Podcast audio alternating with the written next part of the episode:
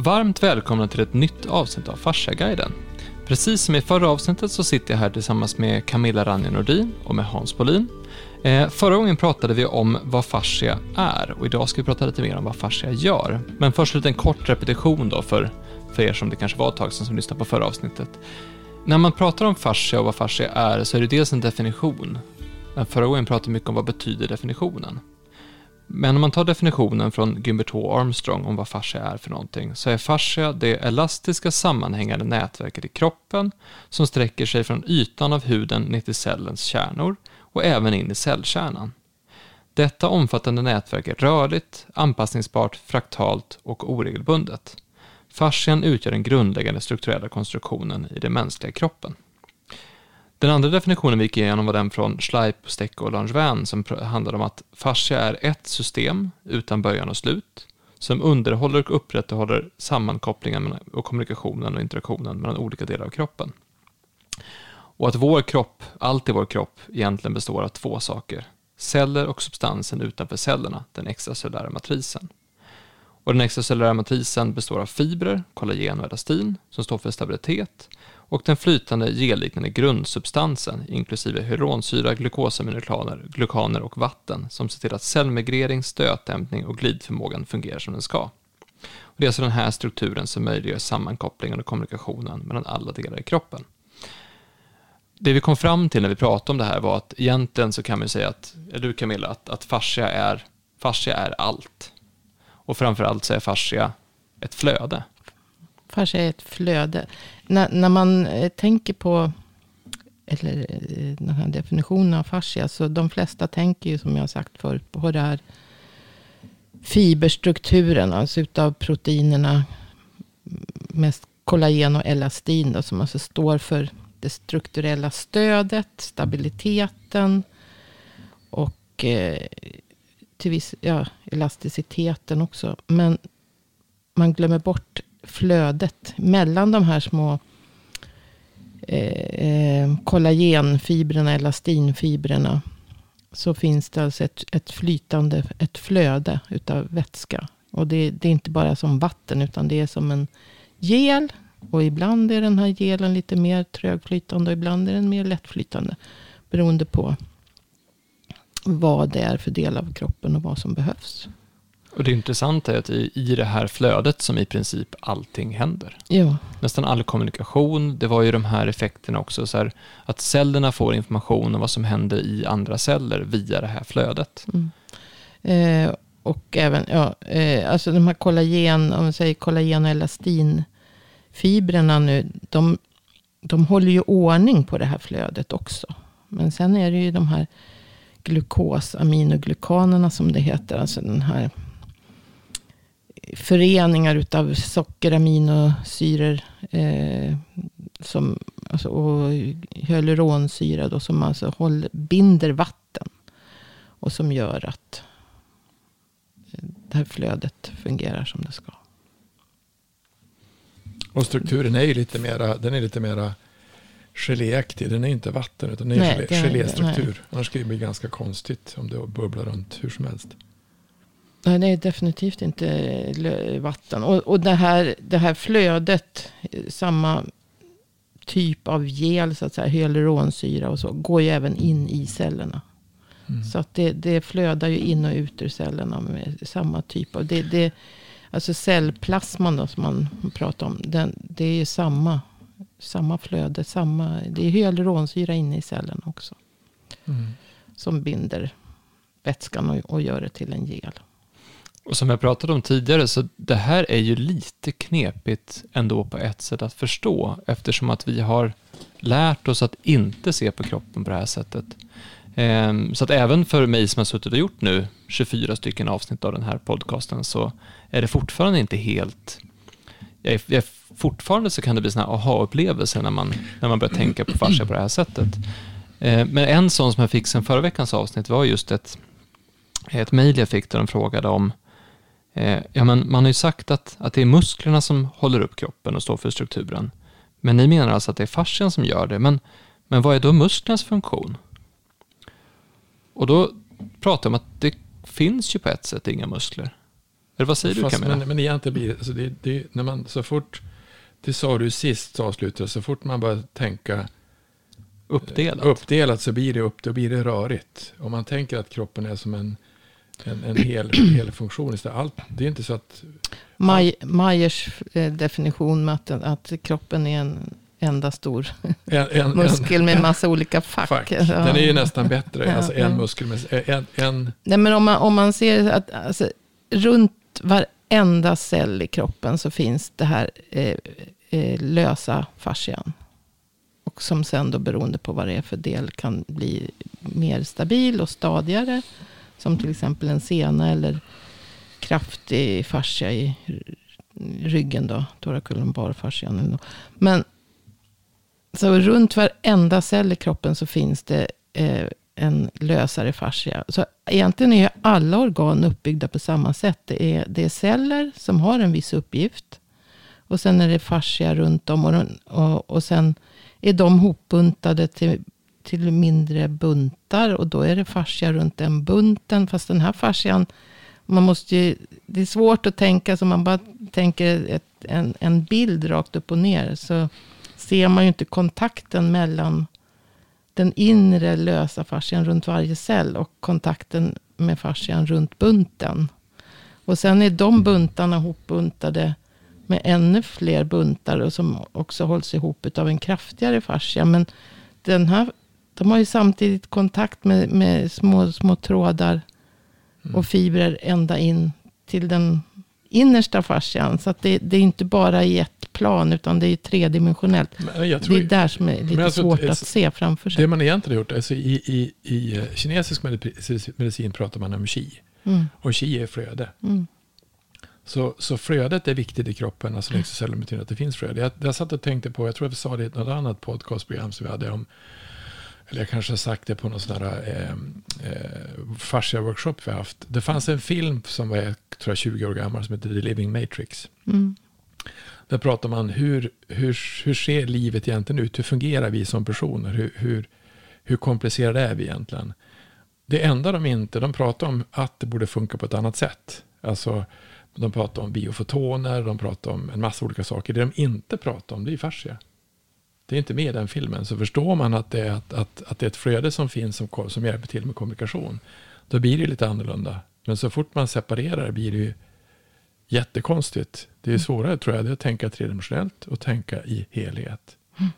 Jo, Eh. för man, man vill gärna tänka separerade banor så att säga. Så att det, Och så jag tror att det, det är som Per säger också, Johansson har sagt att vi är tränade att tänka delar istället för helhet. Och jag tyckte, alltså den här, den finns säkert på Fascia ni kan titta, den först, finns den där förresten, den första Fascia-filmen som fanns, dokumentären. Ja, vi har en, den finns. Den finns där bra.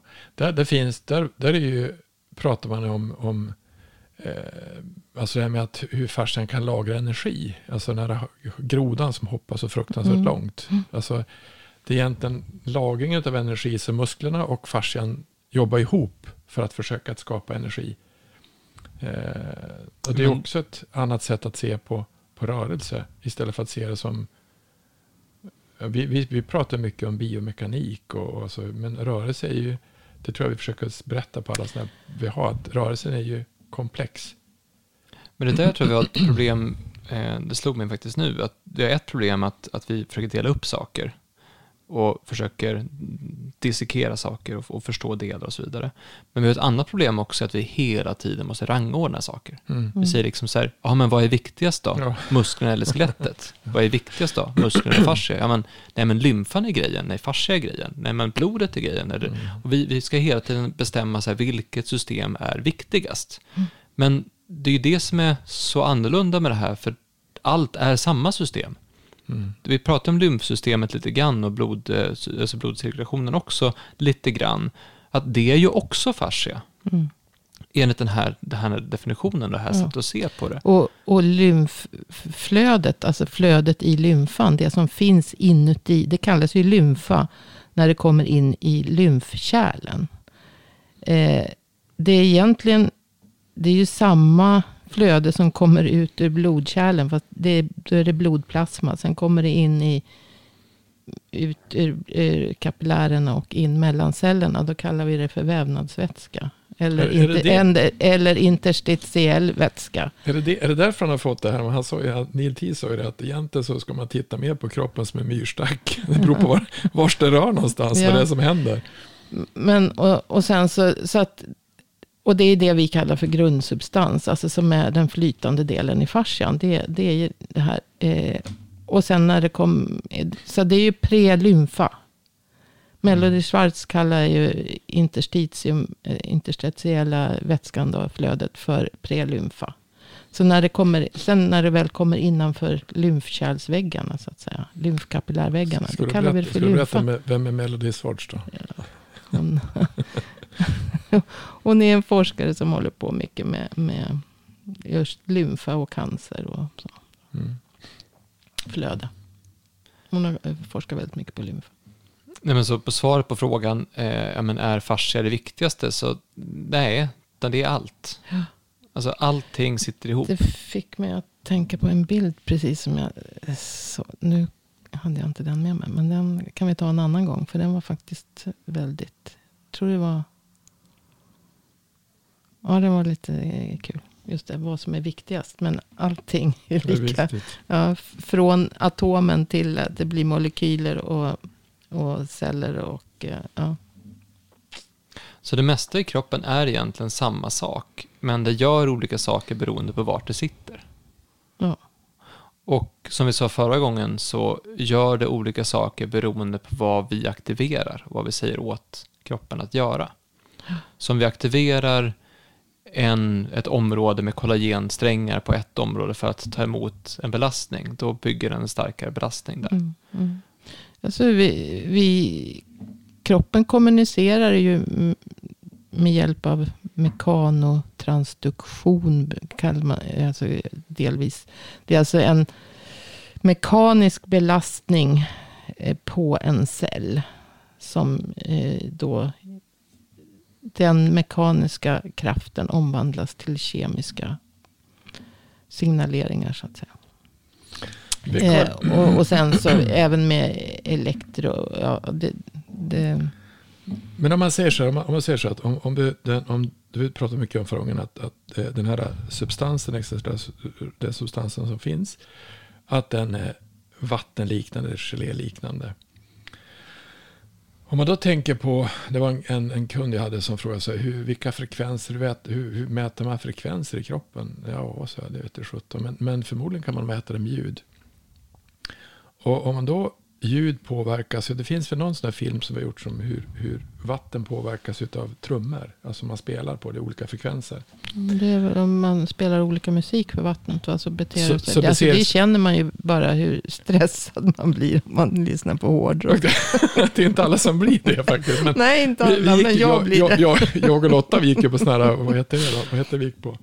Swedish House Mafia, vi gick, efter, vi gick efter tio minuter, hade vi ont i hjärtat. Mm. Det var som fruktansvärd bas. Men, men då förstår man ju hur mycket vi påverkas av olika saker. Alltså Mm. ljud, ljus, alltså allting som är frekvenser. Mm. Och frekvenser blir utifrån det här, om vi, om vi sa det vi sa förra gången, att, att kroppen, den här substansen, hur lång tid tog det att den skulle bli färgad i hela kroppen när han gjorde experimentet? Var det sekunder eller? Ja, det, nej, det var ju sekunder. Jag kommer, jag kommer inte ihåg vad han pratade om. men det, det, gick, det, får, det, är kort, det, är kort. Det, var väldigt kort. Så om man, ser, om, Som- om, om man ser bilden så har vi haft en människa som är att vi är separerade. Och så istället har man människan att vi har en grundsubstans som far fram och tillbaka i kroppen Mm. och som påverkas på sekunden. Då kan man säga, ja, hur påverkas vi då utav, om det, om det här är det som lever i oss som far runt fram och tillbaka, hur påverkas då vi om vi går in i ett rum där det har varit bråk? Mm. Det är klart vi påverkas. Hur påverkas Ja. vi om vi går in i ett, om, om, vi, om vi går och trä- träffar ett djur? Och, och djur, alltså då påverkar vi kommer påverka allt vi träffas, träffar. Och vi kommer också påverka av allt vi träffar. Då blir det ganska mycket mer intressant att prata om, då har, ju, då har ju den här substansen en helt annan funktion. Inte bara att stöd, leda energi eller eh, stöd för organen, eller, utan då har den också en kommunikationsfunktion. Absolut, kommunikation. Det, det är väl, ja, som blir mera, den blir ju lite mer intressant att tänka på. Alltså, hur, det är klart om vi påverkas av klassisk musik eller utav rock eller utav, inte av hårdrock tydligen, men, men alltså, det tycker vi inte om. Men, men om vi då påverkar... Det, det finns ju de som gör Det det, men alltså, just jag gör inte. Då, då, då är det ju ganska mycket saker som händer i kroppen som vi kanske inte har tänkt på. Eller hur? Absolut. Men Där kan vi iväg ganska långt. Jag tänkte bara att en sån här sak för att just visa hur fort det går. Alltså om man tar ett glas vatten och så ställer man det på ett långt bord.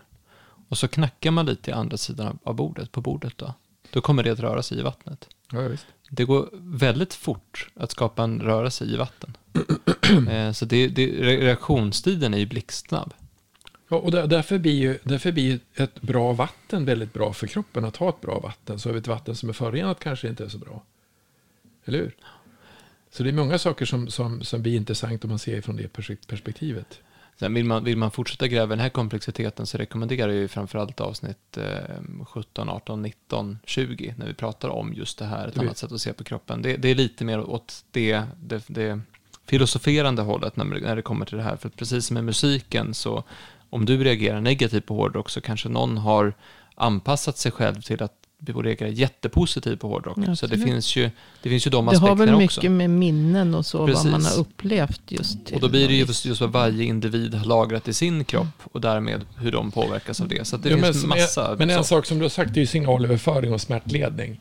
Det, är, ju- det är ju också vad fascian gör, men det är också det är ju, det är hur den gör det. Det som jag tog upp som med Delivery Matrix så hade de ju de försökte förklara vad som hände i kroppen. Genom att de, de sa att det, cellerna kan inte kommunicera bara med kemi. För att det är för, det är för alltså då slängde de ner celler i en, i en plaskdamm. Alltså, tennisbollar. tennisbollar. Och, och så fröt de, hur ska de här kunna kommunicera? Mm. Men om, om, de, om allting är i, en, i ett flöde som hela tiden kommunicerar, då är det förmodligen ett helt annat sätt att se på kroppen och kommunikation än vad vi egentligen lär oss i traditionellt. Mm. Eller hur? Mm. Då är det Mm. mycket, mycket viktigare än kemi. Det, är- ja, det är in, inte, man kan inte säga att det är nu- viktigare. men det- nej, nu- det, är ju lika viktigt. fast i Det är lika Det är viktigt. lika, bägge två. Det är inte viktigare, det är lika kroppen, viktigt. kroppen kommunicerar ju både med kemi och, och mekaniskt och, och genom eh, elektriska signaler och, och biofotoner. Och biofotoner. Ja, alltså Och vad är- svag, svagt ljus som knappt är mätbart för ögat. Alltså, så, som man alltså har mätt, som går i kroppen. Och det går ju Men vi ska fort. ta ett steg tillbaka nu innan Men vi går för långt in vi på kan ju specialbiten. gräva ner oss i det. Precis, annan- och det är det Biofotoner vi... lät ju roligt tyckte jag. Ja, vi, pratar med, vi, får, vi får inte sväva iväg för mycket, för det är vikt, det är för mig är det i alla fall viktigt att de som lyssnar på det här hänger med. Så nu ska vi ta ett steg tillbaka och ska vi säga så här, Camilla, vad gör fascian då? Vad gör fascian? Ja, bortsett från... Jag kan inte säga först och främst då. Utan den, men ett strukturellt stöd. Det är ju, det är ju vår, vårt mjuka skelett, brukar ju en del säga. Då. Och då, det, det innebär att det, det är ett stöd för allt annat. Samtidigt som det håller ordning på alla celler. Som jag sa, då, att det buntar ihop cellerna i olika grupper. Så, så att, eh, men ändå så håller det kontakt mellan alla celler. Eftersom man har kontakt mellan alla de här lagren av fascia eh, på, på djupet och, och tredimensionellt så att säga. Så, så är det ju inte så att det, en cell har ett litet skal runt sig med, med fascia och sen så är det ett, eh, flera buntar utan, eh, och så nytt skal. Utan det är, det är svårt att förklara. Men det, det, det, Ja, är, men la, egentligen- det är lager som hänger ihop på kors och tvärs. Och egentligen kan man säga så att när man, när man tittar på kroppen och allt som händer i kroppen, alla processer som är igång, allting som sker precis just nu i alla våra kroppar, så kan man ju tänka, järnspikar vad mycket, vilket kaos det måste vara. Mm. Men kroppen är ju otroligt strukturerad. Ja. Det är väldigt sofistikerat och allt är på sin plats, om, om det för allt funkar som det ska. Och det är ju miljontals, alltså det är mycket som händer samtidigt överallt precis hela tiden. Och då är ju fascians roll att hålla koll på det. Men som sagt, strukturellt stöd och separation men ändå kontakt. Eh, och eh, ett, ett skydd för alla organ också i och med att den, den ligger runt. Och, och även fettcellerna räknas ju in i, så fettvävnaden räknas in i fascian. Så på det viset så, så lagrar den ju energi också. Fast eh, fett har så mycket mer uppgifter än att bara lagra energi. Fast det är så vi tänker. Eh, men eh, diffusion, eller alltså kontakt in och ut ur cellerna med näring och avfall. Och in i det här flytande interstitiet då, som jag sa. Som sen ska rensas bort med hjälp av lymfan.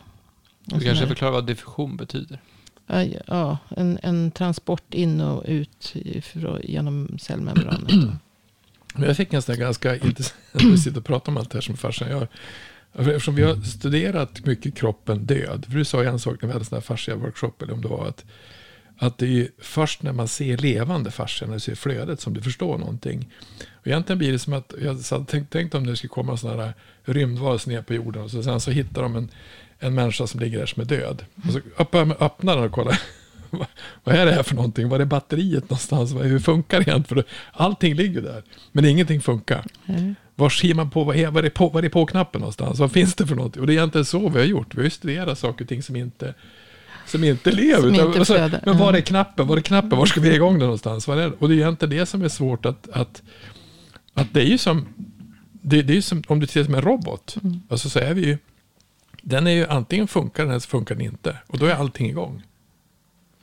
Men det där, det just det där, om man ska spinna vidare på den tråden, en snabb parentes är ju det här med vatten. För det är också någonting, vi har varit inne på det förut, men det, det här är verkligen någonting som man kan fundera på. Eh, vatten säger man har, vad är det, 69 stycken anomalier. Alltså vatten beter sig inte som andra ämnen, vatten mm. beter sig konstigt. Och då har man sagt så här, vi lägger en parentes runt vattnet och så lägger vi bort det på hyllan här borta och sen så tittar vi på hur allting i världen fungerar utifrån de regler vi har bestämt. Men allt liv är ju vatten. Mm. Så man har liksom tagit livet, lagt en parentes på det och stoppat det på en hylla och sen har man försökt förstå världen utan livet. Fast det är man medveten om att allt liv behöver vatten. Ja, men, det, det men, men, men ändå så bryr man sig inte om vattnet. Man lagt det på sidan. Nej, men det, det, blir ju, alltså, det blir ju en, det blir en problematisk idé, det blir en problematisk idékonstruktion om du tar bort livet ur ekvationen när mm. du tittar på hur saker fungerar. Mm. Oavsett om det är eh, alltså, människor eller djur eller andra typer av system och så tittar du på allting utan liv. Det blir ju väldigt märkligt. Mm. Att man, man bryr sig inte om hur, hur vatten fungerar, men, men att allt liv behöver vatten. Men när du läste på, som, när du läste på, på Skulptur, eller SLU, visst Tittar ni, visst måste jag fundera mycket på vatten då? Nej, det måste jag ha gjort i alla fall. Inte mer än att det, det var, alltså, om man torkar ut så, så dör man.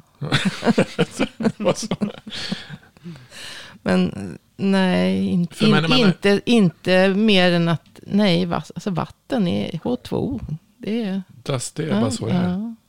Fast det beter och att, sig alltså, som och att vatten alltså är viktigt för transport in och ut ur cellerna. Och är viktigt för, för kroppens funktioner. Och att, att inga bakterier lever utan vatten. Men de kan sporera då. Alltså för att överleva utan vatten. Och vissa utav dem. Mm. Alltså sådana saker. Men jag tror vi, vi får ta och men, men vi eh, göra ett avsnitt så, Vi fokuserar inte så mycket på vatten. Jag fick som sagt boken i morse. Ja. det kommer. Ja. Okej, tillbaka till, eh, till eh, funktionen då. Eh, vi var väl på ja, diffusion men, av olika substanser. Ja, diff diffusion och lagring av energi. Och, ehm, och framförallt också så medverkar ju fascian vid, vid inflammation, alltså skador. All, som vi sa förra gången, det finns inte en skada, inte en sjukdom i kroppen som inte påverkar fascian. Mm. Eftersom den finns runt varenda cell. Och får vi en skada, oavsett om det är en, en tryckskada eller en skärskada, alltså en, går hål på kroppen, eller så, så påverkas ju fascian. Och den medverkar ju då den, med inflammation och läkprocesser. Och den bildar R, för den hjälper till och försöker laga det här. Laga symptom. Så att, um... Men det kanske är passande att stanna upp en sekund och bara repetera vad, vad kroppen gör i form av när det kommer en, en skada. Till exempel har du ju det här med, med sårläkning eller ärrbildning. Mm. Där de flesta som, som skär sig eller får ett, någon typ av sår på huden ser ju att det här läker ihop. Mm. Och när det läker ihop så blir det vitt. Och då är det, det vita där är ju kollagen. Mm, det är kollagen. Så det bildas mer kollagen. Och först, eh, skulle jag gå in på det. Först när det, någonting läker så bildas det ju ett mjukare kollagen. Kollagen typ 3 kallar man ju det. Då, som är alltså samma typ av kollagen som finns på embryostadiet. Alltså ett, för, ett, ett mjukare, inte så starkt kollagen som beter sig, eller som väver ihop det lite mm, som ett nätverk. Det har ingen speciell riktning eftersom kraften går åt lite olika håll. Och sen gäller det ju då att man talar om för kroppen, Då gör den alltså... vävnaden, Då, vil, då, vil, vilket håll då gör kroppen måste som, jag vara stark här. så då gör kroppen som den är van... Alltså, vi, vi, vi, när vi är barn, när vi, när vi, är embryon så gör vi på ett speciellt sätt. Mm. Och då är det bra, om den ska läka någonting så, så är det bra att det inte är riktningsvis. Utan då kan det egentligen, inflammations, det sättet att göra kan ju läka vad som helst då.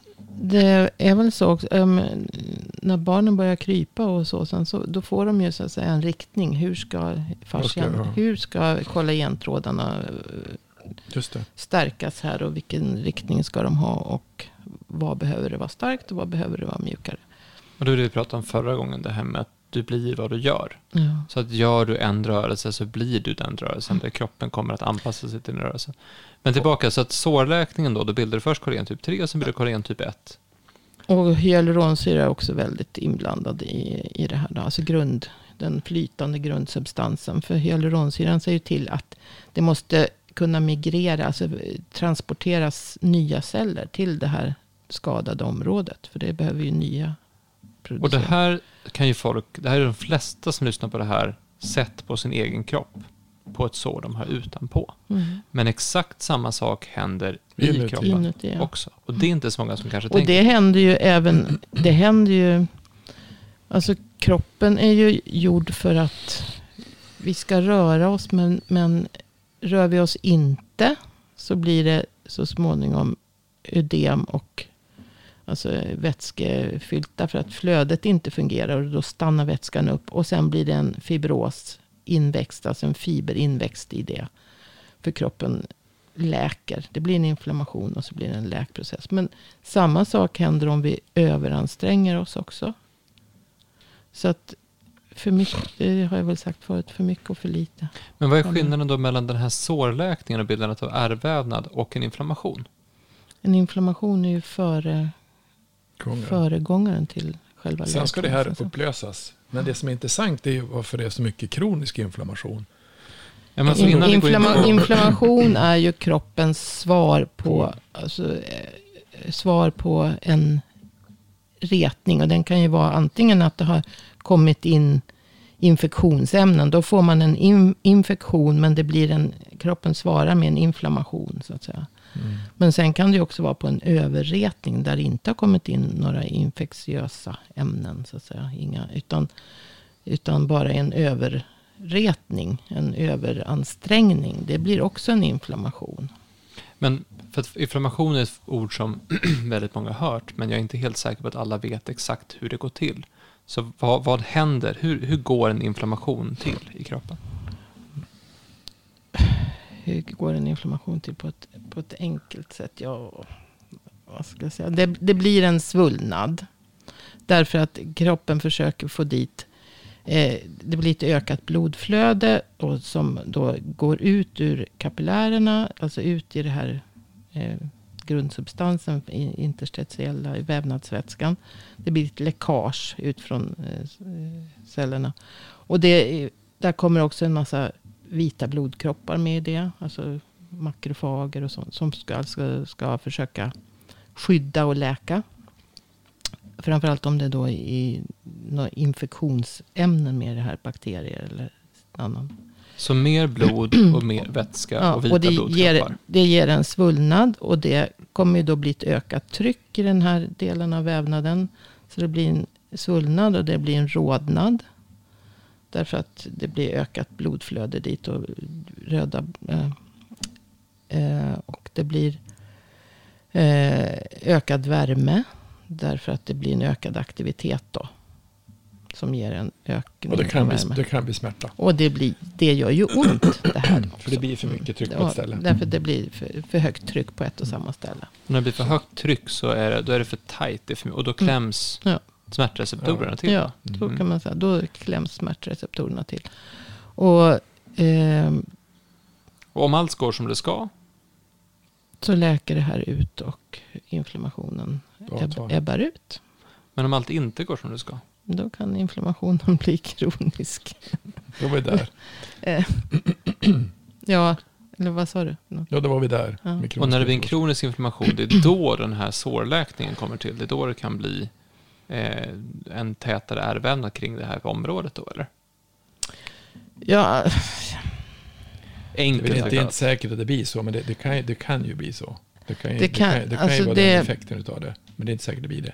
det här eh, fibrosen, då, den här förtätningen som eh, Stecco pratar om. Den tycker jag är lite intressant. Just att han säger att, att eh, det, det blir en förtätning. Alltså det tjockar till sig i hyaluronsyran. Och, som eh, stänger in vattnet. Mm. Så att det blir ett, ett instängt vatten. Eller alltså ett instängt flöde på en, en, en begränsad yta. Och utav det, det blir ett ökat tryck. Utav det, om man inte får bort det. Så blir det inväxt utav kollagen. Som alltså blir en fibros. Så en, en ny förstärkning av, av, alltså kroppen försöker Mm. förstärka det med mer kollagen. Och det blir ju som det vi Blir tänker som är. Ja. Men, För området där det bara är vätska Det är för men han menar ju, han, han instängd. menar ju alltså att ja, det är för mycket hyaluronsyra. Ja, det är instängd Ja, det, hyalonsyra. ja, det är Ja, men självaggregerat. området i sig är ju Ja. för slappt. Och när det är för slappt så måste du dit med kollagen för att, för att stärka upp det. Ja, men han, han säger att det blir en... Om, om det blir en inflammation så, så ökar ju hyaluronsyran. Och Mm. blir det för mycket hyal, hyaluronsyra. För hyaluronsyran har ju med läkningen att göra. För att få dit nya celler. Men hyaluronsyran kan själv aggregera. Och alltså stänga in vatten. Alltså flödet då. På eh, begränsat utrymme. Och då kommer... Om man inte får bort det. Så hyalonsyra det är, hyalonsyra är, det, det, det är som våran... en vårat- skum vår- substans. Ska, jag- ska, man, ska man kunna säga att det är oljan för våra, för våran exosklerometris? Ja, det, det är det också. Så då Men kan man säga... måste ju, den, alltså det som är skumt med hyaluronsyra det är att den kan ändra molekylstorlek. Alltså från att vara väldigt Liten liten, till till, att vara jättestor. Och den ska vara stor för att binda mycket vatten som en diskborste och kunna glida bra. Men den får heller inte vara för stor. Och det får framförallt inte vara för hög koncentration. För då blir den för tjockflytande. Okej. Och blir den för tjockflytande. Så det, det är inte bra med för mycket hyaluronsyra. Och framförallt inte i, i för... Ja. Men om vi ska, säga, om vi ska förklara, vad, Men- alltså för de som inte vet, det blir ju ganska komplicerat, men om, alltså, så här, hyalonsyra har många olika funktioner. Mm. En sån funktion, En, Det- en det- funktion är ju glidfunktionen Glid, mellan man- alla de här kollagenlagren. om den blir rund då, alltså blir som en boll, då, att finns, den blir som en honungskaka. då blir det ingen glidfunktion alls. Nej, för då, Nej. då binder den, om man tänker sig att hyaluronsyran ska vara som, som en flaskborste med en massa spröt. Som, och så binder det vatten mellan alla de här spröten. Den är inte så lätt att tänka heller kan jag säga. Nej. Men alltså, det, Många flaskborstar som står ut. ja, men, en- prata om olja istället. prata om någonting som glider och som man förstår. Ja, men i Men- alla fall så ska vattnet bindas och fördelas jämnt mellan alla de här eh, eh, kollagenfibrerna om man säger så. Mm. Hej, Axel här. Jag hoppas att du tycker att dagens avsnitt är intressant. Eh, jag tänkte höra av mig till dig direkt, du som lyssnar nu, för eh, jag skulle behöva din hjälp med en sak. Jag brinner för att hjälpa människor att utvecklas och uppnå sin fulla potential och jag tror verkligen på det här med att ge kunskap om kroppen på ett enkelt sätt. Samtidigt som vi driver Fasciaguiden så har vi utvecklat ett bolag som heter Fasciaklinikerna där man faktiskt jobbar med, med behandling och jobbar med att hjälpa människor som har ont. Nu ska vi starta fler kliniker och då söker vi folk som vill driva de här klinikerna. Så att om du vet någon som är bra på att driva företag eller som vill driva företag och som samtidigt vill jobba med att hjälpa människor så får de jättegärna gå in på fasciaklinikerna.se starta klinik och hör av sig till oss och göra en intresseanmälan. För eh, vi hoppas verkligen att fasciaklinikerna kan förändra sättet man ser på och bedriver vård och det jobbar vi outtröttligt för. Så vill man jobba med oss och hjälpa oss med den visionen så får man jättegärna göra en, en intresseanmälan och så tar vi det därifrån. Men egentligen kan vi säga som sammanfattning av det vi har pratat om är att fascian i sig bildar ärrvävnad och Mm, håller på med sårläkning. Mm. Och här är läkningen i form av inflammation finns här också, så det är kroppsegna processer som är då inflammation, som är, eh, är bildning av ärrvävnad. Mm. Men det som kan hända av att någonting inte är som det ska, är att de här processerna går för långt eller löper amok eller liksom blir problematiska. Fast det är ju också kroppen som naturligt har gjort dem. Därav det vi pratade om, om i tidigare avsnitt om att, att kroppen själv skapar problemen av att vi har den har tagit emot för mycket tryck eller att någonting har blivit fel. Det här pratar vi jättemycket om i avsnitt Alltså, 19 framförallt. Men, men den blir ju, alltså man förstår det från det perspektivet, allting, att det måste ha den här rörligheten, att det måste finnas det här flödet, alltså i hela kroppen samtidigt. Då är det ju lättare att förklara varför förstå varför man kan få till exempel en, en, en, en fibrös tätväv, man kan påverka mycket saker samtidigt. Till slut blir det något konstigt i det. Eh, man skulle, borde kunna, kunna förklara en massa saker som är felställda genom att det är för dåligt flöde. Och då är det också lättare för folk att förstå att jaha, så jag kan läka inuti också? Ja, om, om kanalerna är fria. Om borstarna fungerar. Alltså det, måste ju, alltså det måste ju flöda hela tiden. För, för som han menar, och och det... Så, alltså, om det blir stilla någonstans, det behöver inte vara stilla i hela kroppen, men om det någonstans blir, blir stilla och flödet går runt, men det, på något ställe så är det så att säga förtätat, som han kallar det då, och liksom till tjockt. Så att där, just där går inget flöde. Då, de cellerna där får ju inte något utbyte med näring och, och avfall bort. Och lymfan fungerar inte. Och, och folk som har lymfödem länge också, alltså en lymfa som inte fungerar, kan, om det här får fortgå, då kommer det att växa in fibrös vävnad, alltså kollagen. och då blir det i- mycket svårare Ja, att få och fixa då det. är det svårt att, Då är det få svårare. bort det jämfört med att om man Men- kan få igång det här flödet egent- på en Egentligen är gång. det samma sak med, med blod. Alltså blod, alltså blodplasma ska också flyta lätt. De ska ju vara Ja. så här. eh, De ska inte ligga som sådana här påsar ihop alltihop. Utan de ska, Nej, nej, alltså blodkärlen går ju i den här fascian också. Alltså i mellan, mellan blodet ska ju till cellerna. Och, och det är ju inte så att, att blodkärlen går precis kant i kant eller liksom släpper av sina produkter. Då, det blodet bär runt på, hormoner, näringsämnen, allt. Eh, att det släpper av det direkt in i en cell. Mm. Utan det släpper ut det i den här grundsubstansen, i det här interstitiet. Så att säga. Och, Mm. och, och sen ska det transporteras till.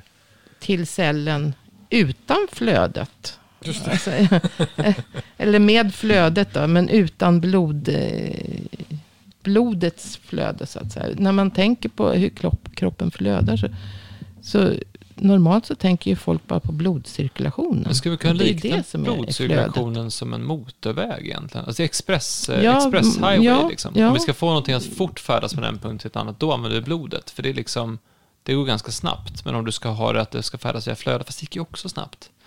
Fast det som jag tycker är intressant med blod, för jag, jag, jag, jag satt på, det var en, tror jag, någon, någon dokument, någon föredrag som jag såg på om, om det var någon där vattengrejen tror jag. De som hade testat att dricka alkaliskt vatten Mm. och fått blod, blodplättarna att bli mycket mera, inte så klibbade.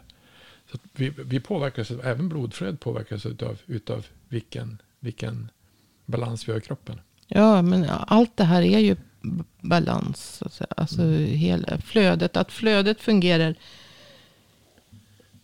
lik, likadant överallt. Så att allting får eh, likadant överallt. Ja. Men, men att flödet fungerar i, till, till varenda cell och till och från varenda cell. Och alla signaler kommer, kommer dit de ska. Eh, och att allt finns i rätt mängd. Det är ju det som är kroppens balans. Så att säga. Men jag att vi.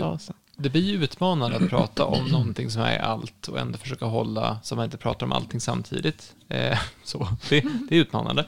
Eh, jag tänkte allting som handlar om vad vi kan göra, alltså hur kan vi ta hand om oss, hur kan vi, vad behöver fascian för att må bra och sådana saker. Det sparar vi till nästa avsnitt. Så vi fortsätter prata om vad fascian gör. Eh, men vi pratar ju om det här med med inflammationer och eh, ärrvävnad och, och så vidare. Man skulle ju kunna förklara det utifrån ett case också. För vi har fått en hel del frågor till, till eh, eh Fascia-guiden. Och då till exempel fått en fråga från Åsa.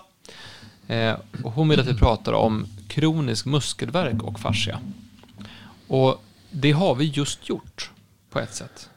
Mm. Så på vilket sätt eh. har vi pratat om kronisk muskelvärk och fascia och vad, vad är kopplingen där och hur ser det här ut egentligen?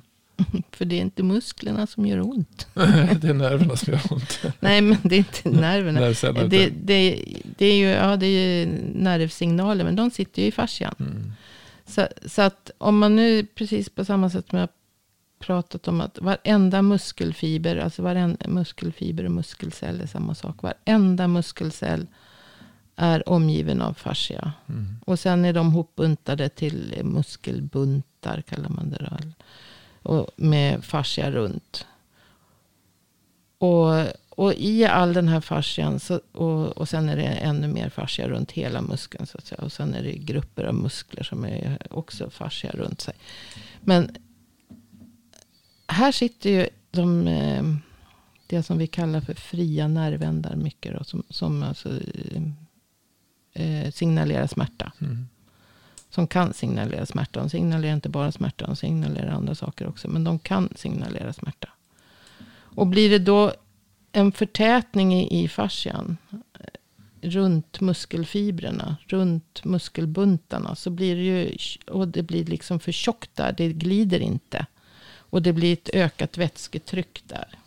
Då kommer det trycka på de här nervreceptorerna som sitter i fascian. Men det var det, och de sitter i den lösa fascian. Det var det han visade Mense 2015 med, med att ja. low back pain. Alltså det, det som egentligen man gjorde då, det jag tror har haft upp det också, men musk, alltså low back pain, det, det trodde man ju först att de visade att det var, den var eh, den lumbarfascian var förtätad. Mm. Och då hade den, den, den, den hade, då hade, de ökar så, kollagenet med 25 procent eller något ja, Då visade de först att den var, att den, den, alltså, nu försöker jag visa att den ska glid, glidförmågan fram och mm. tillbaka mm. var dålig, för den var mm. förtätad. Mm.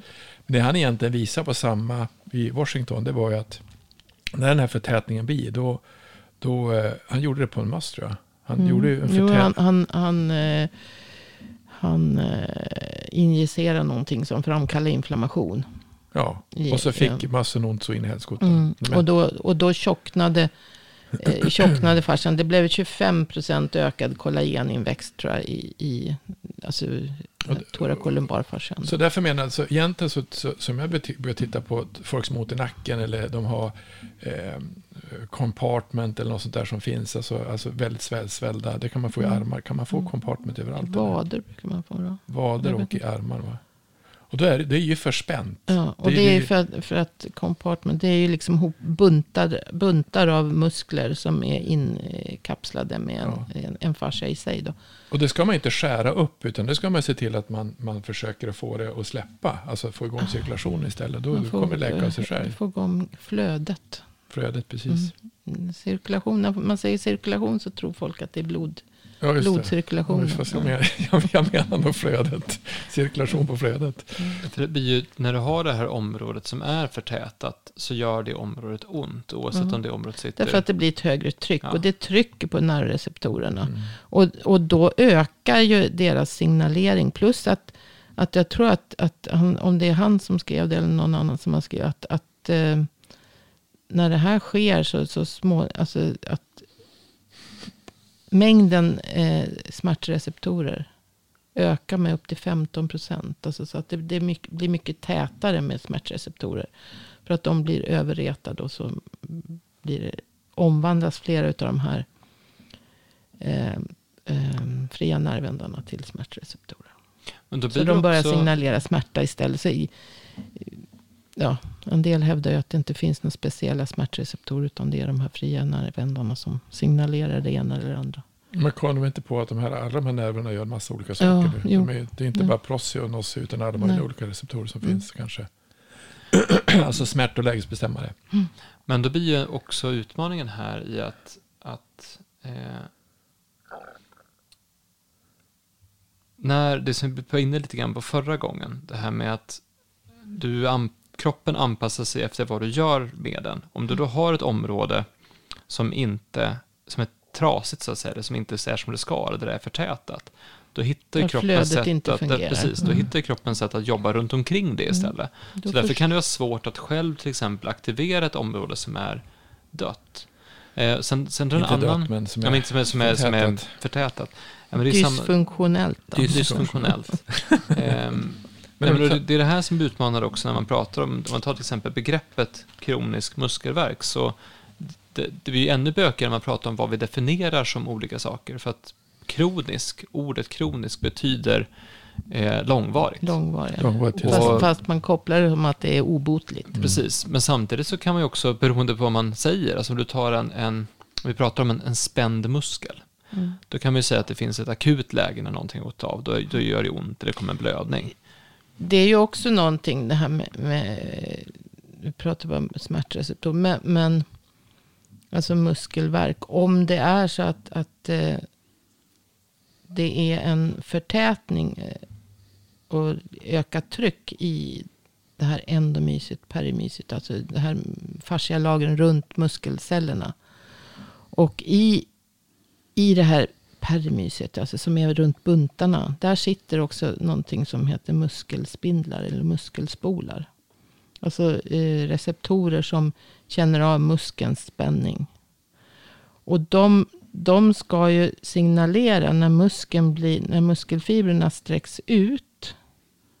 Om man Mm. tänker sig att muskelfibrerna sträcks ut, då plattas de till Mm. och får en signal. Att aj, aj, aj, nu Snart. håller muskeln på att gå av. av? Så nu måste du kontrahera. Och då, För att inte jag ska gå av. Och då kontraherar muskeln. Mm. Eh, för att alltså, den inte ska gå av. Men det här ska ju ske när muskeln håller på att gå av. Mm. Men om de här muskelspolarna eh, har fascia runt omkring sig som är över förtjockad, förtätad. Då kommer ju de få ett tryck fastän de inte är så att säga, utsträckta. Utan de, de, de har ju ett ökat vätsketryck runt muskelspolarna. Eh, vilket gör att de kommer att signalera att kontrahera, kontrahera, kontrahera. Och då får man ju en muskel som går i spasm. Mm. Ja, och sen har du nästa sak också, det är att de som, om du tar en, en kroniskt inaktiv muskel, eller, eller, eller att den har varit Mm. långvarigt inaktiv, Ja. då, då känns den ju inte. Nej, då, då kan man ju sätta igång den igen. De här muskelspolarna behöver inte mycket mer än tre gram, tror jag Stek har sagt. Den. Så För att sätta var, för att Tre, sätta var. tre grams tryck, var det, jag vet inte vad exakt vad det är. Men det, Så det är inte blir- så mycket. Så, det att blir man- ännu svårare med, när man, när, det blir ännu svårare med definitionen. Då kan vi ta en sån sak som Mm. muskelknutar. Det är ju ofta många som pratar om att de har muskelknutar. Ja, men Vad är en det- muskelknut egentligen?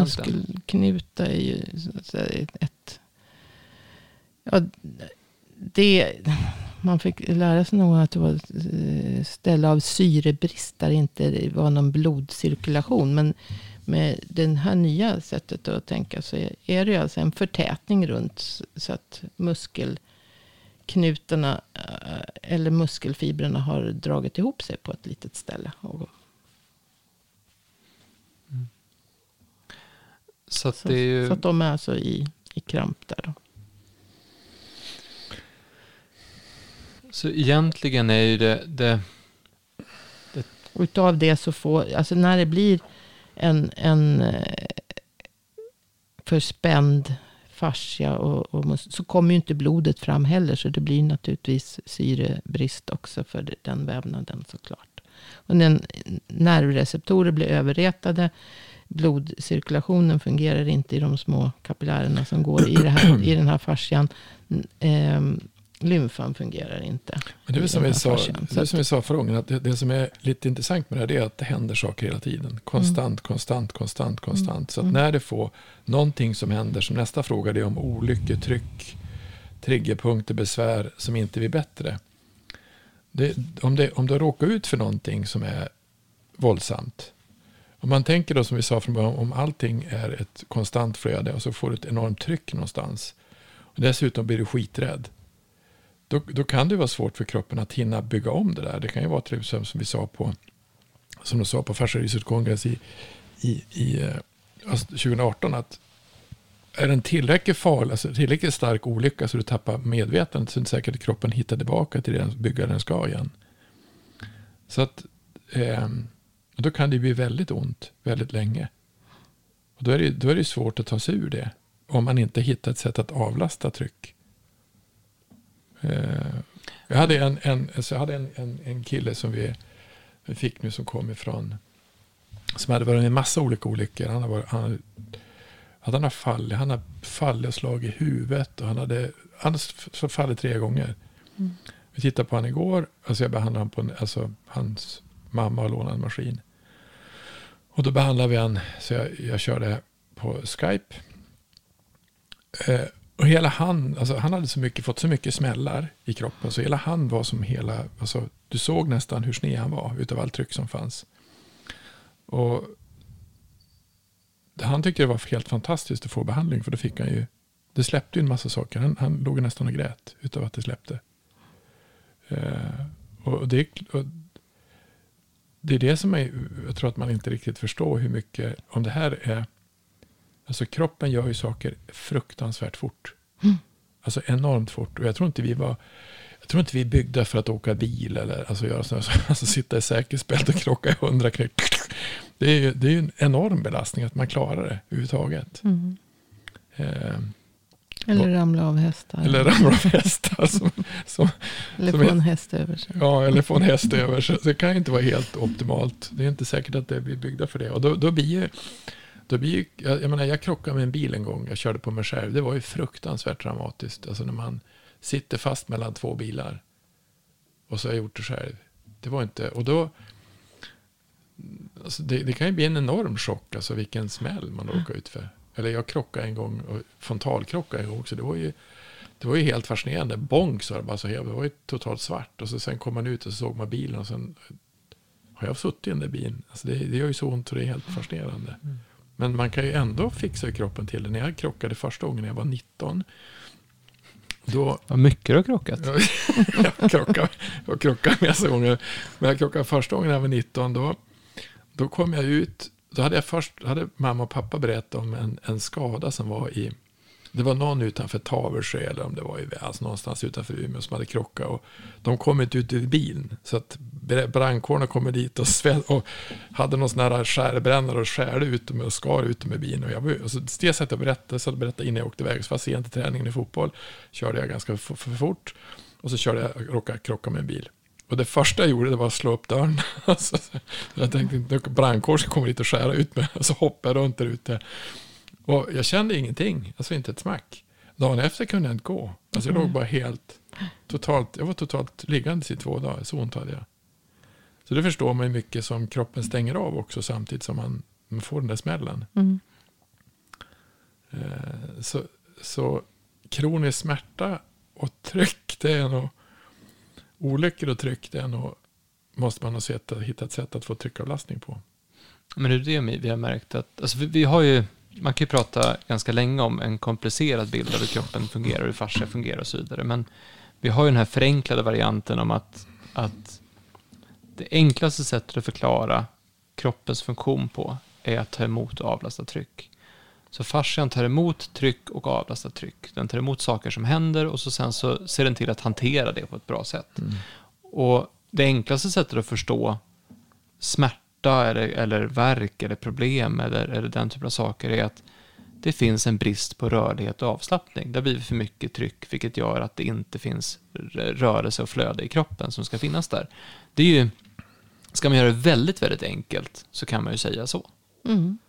Ja, alltså vi, vi är skapta för att röra på oss. Och så fort vi blir för inaktiva så kommer flödet att stanna upp någonstans. Mm. Och då blir frågan, Hans, då, eh. kan trycket fastna i kroppen? Jag, jag tror ju det.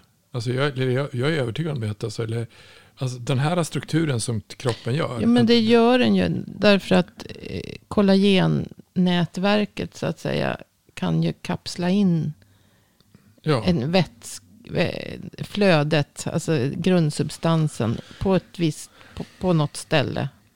För att skydda det området. Eller där det har blivit för tilltryckt. Och sen så småningom så, så det kan ta år innan det blir Men det var som jag satt på en sån här, jag var på, jag var på en, en, en, en kalas, eller på förra året, var jag på en sån här eh, studentfest. Och så sen så satt en massa damer och så berättade jag om fascia, vad jag gjorde för någonting. Och så att ja, bland annat så hallus valgus, det är för mycket tryck. Så, så den går ju, alltså tar du bort trycket ifrån tån så kommer den att gå tillbaka. Nej, jo, det kommer jag göra. Och så satt vi där och så satt jag och behandlade henne. Eh, det tog kanske en halvtimme, sen var hennes tån rak. Mm. Men trycket är ju inte i tån. Trycket är ju i höften.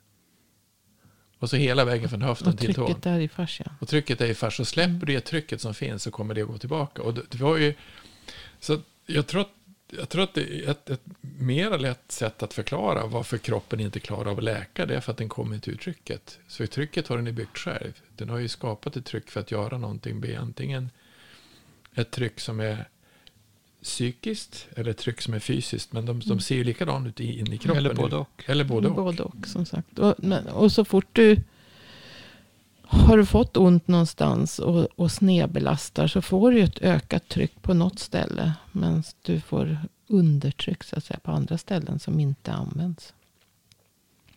Så så fort du snedbelastar kroppen, vilket du gör när du har ont Ja, eller har fått en skada så kommer du skydda den skadan. Och blir du kvar i det då så kommer, kommer det här trycket att vara kvar där. mm. Så att det, gäll, det gäller ju att få kroppen i balans. Alltså så fort det blir en snedbelastning så har du en obalans. Mm. Eller Har så då- fort du har en obalans så blir det en snedbelastning. Ja, så har, och har du för mycket tryck så att du har för mycket ont, som vi har sett på en del som har, då, då, de sover ju ingenting. Och då blir det, då blir det som en ond cirkel, du kommer ju aldrig ur. För att, för, att, för att reparera så måste du få vila, och kan du inte vila så blir det bara att ta tokigt alltihop. Eller hur? Ja, st- stress är ju, det blir ju en stress. Och då har du då kommer du in på kortisol och, och liksom den, den biten också. Som sen i sin tur lagrar upp socker i fascian. Så att det blir ännu mer tvärben. För det är ju det också. Det, utav det här så, så kollagenet skapar ju nya tvärbindningar för att stabilisera. Ja, för stress, är- stress är egentligen någonting som vi ska använda för att vi ska springa iväg egentligen. eller hur? ja, tillfälligt ja. Inte, inte, alltså när vi har långvarig stress på grund av att, att man inte trivs på jobbet eller inte är hemma eller har andra ekonomiska problem. något, Så, blir det en långvarig stress som, som maler och maler och maler. Och det ger ju hela tiden ett kortisolpåslag. Så då, Så därför är det inte så dumt att fråga om de är stressade, om de har mycket inflammation. Du- Nej. Eller hur? för nej. Det, Så att stress skapar egentligen, skulle kunna skapa, också skapa inflammation. samtidigt som kortisol då är antiinflammatoriskt. Så, så, så enkelt var det inte heller. Fast att, jag tror, i, samtidigt så, så i och med att det ökar sockernivåerna, i, i, alltså blodsockernivåerna, så, Mm. så gör det också att du får en massa extra dåliga tvärbindningar mellan kollagenet som gör att det blir, fascian blir stelare så att säga. Du Men du skrev en artikel Inlagring. om det här med just att stress och socker påverkar fascian på samma sätt. ja, Alltså att äter man för mycket socker så påverkar det kroppen på samma ja, sätt som det blir stress samma gör. sak. Därför att eh, äter du för mycket socker så får du ju lagrar du ju in socker i fascian. Och, och går du ständigt och är stressad så har du kortisolet som Mm. plockar ut socker. Mm. Och lagrar in i, i fascian. Vilket ger de här sockerbindningarna som man kallar det. Alltså det finns eh, friska eller naturliga bra tvärbindningar i fascian. Eller mellan, i kollagenet. Som ska vara för att kollagenfibrerna ska vara stadiga. Och inte glida för mycket och sladdra. Och där krävs det C-vitamin för att de ska. Det, det är då man får skörbjugg. Om man, om, man inte har, om man har C-vitaminbrist så kan inte de här tvärbindningarna bildas. Mm. Men sen finns det det här som kallas för sockerbindningar. Som alltså man kan få om man har äter för mycket socker. Eller om man har diabetes. eh, eller stressad. Och många. Det som är det, som är, det här som hon sa, pra- pratade om Ann Fernholm, den här eh, karamelliserat socker, vad är, hur, är, det, hur funkar det då? Vet du det? Jag vet inte just karamellisera. Men det, det är väl det här tror jag. Att, Sockerbindningar. Alltså, ja, sockerbindningarna som de pratar om. Men det Jag var väl, Erika Jäger visade också en studie på det att om du, har, om du får för mycket socker, Ja. Då kan inte det hanteras i tarmen så som det ska, utan då läcker det ut. När det läcker ut ur tarmen så lägger det sig. Det är därför, det är därför en överdosering i socker finns i samband med ländryggsproblem, därför att tarmen sitter ju där. Så att när den, tarmen sitter ju i hela buken. Så när det läcker ut socker från tarmen så sätter det sig i den extracellulära matrisen i fascian runt om i det området, alltså hela området som är från höften upp till, till revbenen. Och eh, när det väl är ute i tarmen så, så karamelliseras det, då lagras det där. Mm. Så det är det som den, den biten handlar om. Därför då blir det, det, det blir för mycket och då lagrar man det Men där det istället. här karamelliseringen, ja, alltså när det, det lagras i fascian för att, för att kroppen vill försöka bli av med det ifrån. Det får inte vara i blodet. Just det. För alltså, socker tas ju upp. Äter du socker så bryts det ju ner i tarmen och tas upp som enkla sockerarter. Glukos och fruktos och så. Och, och när det sen kommer ut i, i blodet så får det ju inte vara för, för höga blodsockernivåer. Om inte kroppen... Ett sätt är att försöka lagra undan det i, i fascian. Men då, då blir det... Om man inte springer och gör av med det. Ja, så, så, så, Alltså, precis, alltså- fascian hanterar blodsockernivåerna. Ja, försöker göra det. Till, till För det är den som, som vi sa tidigare, en av fascians funktioner, en sak fascian gör är att hålla koll på hela den här Mm. Ja. strukturen. Så Det som lagras in mycket skit i fascian. Att det, om man missköter sig. Så att det, det, Ja, men då, någonstans har vi, vi pratade i förra avsnittet om vad fascian är, gick igenom definitionen och vad det innebär och hur det blir ett annat sätt att se på kroppen. Eh, och nästa gång ska vi prata om vad fascian behöver och kanske om vi hinner även vad man kan göra för att, eh, för att stimulera fascian. Och vi kommer komma till alla frågor vi har fått inskickade också. Idag har vi tagit frågor från Mikael och från Åsa framför allt. Då. Eh, innan vi bara avslutar det här avsnittet om vad fascian gör Eh, har du någonting mer att tillägga, Camilla? Känner du att jag täck, täckt allting kring vad fascian gör? Vi har ju bara egentligen pratat om flödet. Då, så att vi har inte pratat så mycket om kollagenet och den här kraftöverföringsbiten. Och, Jo, kraftöverföring Ja, jo du, du, du nämnde det. Men, och det, det är ju också att, att ehm, Och I. I och med att det är tredimensionellt och allting hänger ihop så måste man ju också komma ihåg att det är inte som, som man blev lärd förut att det är en muskel går mellan olika ben och, och liksom eh, benen är hävstänger och, och musklerna gör jobbet. Och, utan fascian sprider ju den här kraften så även vad säger man, 30% går ju kors och tvärs. Alltså i, inte bara i längdens riktning på, som musklerna jobbar utan även liksom, Mm. vad blir det? Horisontellt. Vem var det som gjorde det? Var det, var det Schleip som gjorde det? Nej. Nej, det... Ja, är det Det, är något, det, det, det, det, finns några rapporter på det i alla fall. Ja, det finns nog det. Jag vet, kommer inte ihåg om det är Klingler eller de här. Mm. F- Filke eller någon. Någon, Så vi har pratat en timme nu om vad fascian gör, men vi känner att vi skulle lika gärna kunna prata en timme till. Vilken tur då att vi ska ses nästa vecka och spela in ännu ett avsnitt. Ja. Eh, Men jag säger tack till idag så länge. tack, tack.